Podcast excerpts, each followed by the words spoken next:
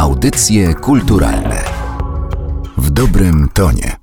Czesław Niemen był artystą wybitnym, ale też artystą krnąbrnym, e, stawiającym się wbrew regułom show biznesu.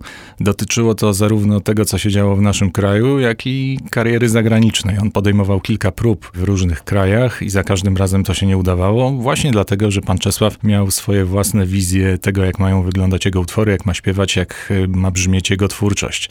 W 1966 roku to był taki okres przejściowy dla jego kariery, bo zakończył działalność w niebiesko-czarnych, tam śpiewał.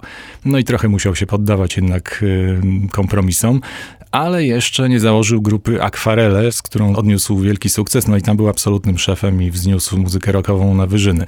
W tym okresie przejściowym zdarzyło mu się wystąpić na festiwalu we Francji, gdzie dostrzegli go tamtejsi menadżerowie, ludzie z tamtego rynku muzycznego, no i jeden z nich zaproponował mu nagranie płyty we Francji, podsuwając znakomitych współpracowników, którzy mieli opracować materiał do piosenek. Jednym z nich był kompozytor i aranżer Michel Colombier, zresztą wybitny na tamtym rynku, a drugim autor tekstów Pierre Delanoy. No i kiedy Czesław Niemen udał się tam do Paryża, do siedziby firmy AZ, którą prowadził Lucien Maurice, zagrał kilka utworów akustycznie, stwierdzili, że tak, są świetne, no ale trzeba napisać do tego francuskojęzyczne teksty, więc Pierre Delanoy zabrał się do tego, przygotował kilka propozycji, no i wszystko przebiegało pomyślnie, oprócz jednego utworu, który nosił polski tytuł Chciałbym cofnąć czas i miał wyjątkowe znaczenie dla pana Czesława. Tekst, który powstał w języku francuskim, a dotyczył Warszawy, zupełnie nie pasował panu Czesławowi do tej muzyki i powiedział: OK, ja wam skomponuję nową muzykę do tego tekstu, co wiązało się z dużym wyzwaniem, no bo czas biegł, była wyznaczona data nagrania, to był kwiecień 66 roku, czekała orkiestra, czekał żeński zespół wokalny. No a muzyki nie było. Zgodzili się na to, zaryzykowali dla przybysza z dalekiego kraju i pan Czesław w nocy, zapewne w hotelu gdzieś w pokoju, skomponował zupełnie nowy utwór, który właśnie ma tę melodię, którą później poznaliśmy jako Seno w Warszawie. Następnego dnia rzeczywiście ten utwór przyniósł. Aranżer był zachwycony, zrobił to zupełnie od zera w kilka godzin i nagrali. I powstał utwór A Varsovii, bo pan Czesław nalegał, żeby tam z przodu było to A, co później nie zostało dotrzymane przez Francuzów. No ale trafiło na epkę tak zwaną, czyli kilkuutworowy mały singiel, małą płytę winylową, która wydana została w 66 roku właśnie we Francji jako Avarsowi. No i tam raczej nie odniosła sukcesu. Podobno sprzedało się tylko kilkaset egzemplarzy. Ale to jest tylko jedna odsłona. Fragment losów piosenki Seno w Warszawie, właśnie ten tytuł już można y, wprowadzić, bo pan Czesław, będąc jeszcze w Paryżu, pomyślał, ok, mam świetny utwór, mam świetną melodię, może by do tego napisać pisać tekst polski. On współpracował wtedy z różnymi autorami.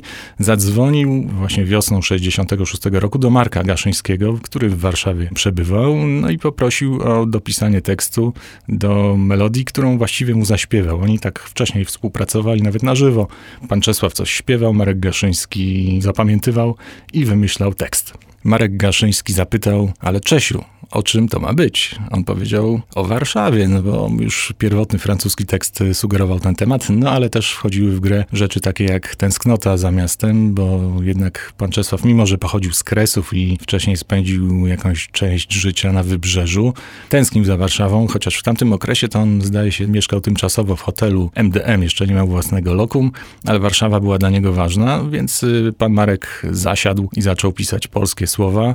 Był w przeciwieństwie do Czesława Czesława Niemena Marek Gaszyński rodowitym warszawiakiem, mieszkał na Mokotowie, stąd y, pewne rzeczy raczej z głowy brał niż z autopsji, y, takie jak na przykład słynny nadwiślański świt, y, no bo na Mokotowie to raczej nie widać Wisły, a jak wspominał pan Marek, w tamtym czasie Wisła nie była jakimś czołowym punktem miasta, tak jak jest to w dzisiejszych czasach, przyciągającym młodych ludzi.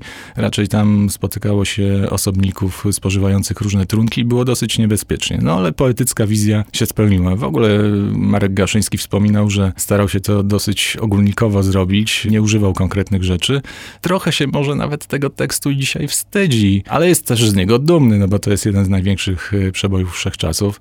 No on wspomina, że w tamtych latach raczej się w centrum ten kolorowy świat opisany w tekście koncentrował wokół klubów hybrydy, stodoła, no i się tam przemieszczano między tymi obiektami, tanimi taksówkami i spożywano rozmaite tanie trunki. Mam tak samo jak ty. Miasto moje, a w nim Najpiękniejszy mój świat. Najpiękniejsze dni Zostawiłem sny. Przez wiele lat Sen o Warszawie, bo taki zyskał tytuł ten utwór i ukazał się też w 1966 roku na epce wydanej tym razem w Polsce przez polskie nagrania. Pan Czesław po prostu przywiózł taśmy z Francji, no i nagrali tutaj tylko podejście wokalne. W Polsce ten utwór przez wiele lat miał status jakiś tam kultowy, ale nie był zbyt często odtwarzany, nie był hitem. To zmieniło się dopiero w latach ostatnich, kiedy w roku 2004 przyjęto ten utwór jako hymn klubu piłkarskiego Legia w Warszawie. To był pomysł redaktora naczelnego gazety Nasza Legia, nieżyjącego już, który podchwycił speaker y, stadionowy, no i razem wprowadzili to po jakimś czasie na stadion. Zaczęto to odtwarzać. Początkowo kibice nie wiedzieli o co chodzi, ale z czasem zaczęli śpiewać. Po drobnych perturbacjach ze spadkobiercami Czesława Niemena udało się tam sytuację załagodzić i teraz jest to naprawdę stadionowy hymn, śpiewany przez gromkie gardła kibiców, ale też zyskał jeszcze jedno dodatkowe życie. W 2009 2019 roku na koncercie Metalki na Stadionie Narodowym. Zespół, który przywozi do poszczególnych krajów jakieś fragmenty kompozycji ważnych dla tych krajów, wykonał właściwie dwóch muzyków, Rob Trujillo i Kirk Hammett, wykonali scenę w Warszawie i tam grono fanów metalu kilkudziesięciu tysięczne podjęło też ten hymn. Brzmiało to niesamowicie, a podsunął im to pewien fan polski, pana Czesława, tutaj pochodzący z Warszawy. Zobaczysz jak przywita pięknie nas Warszawski dzień, warszawski dzień Warszawski dzień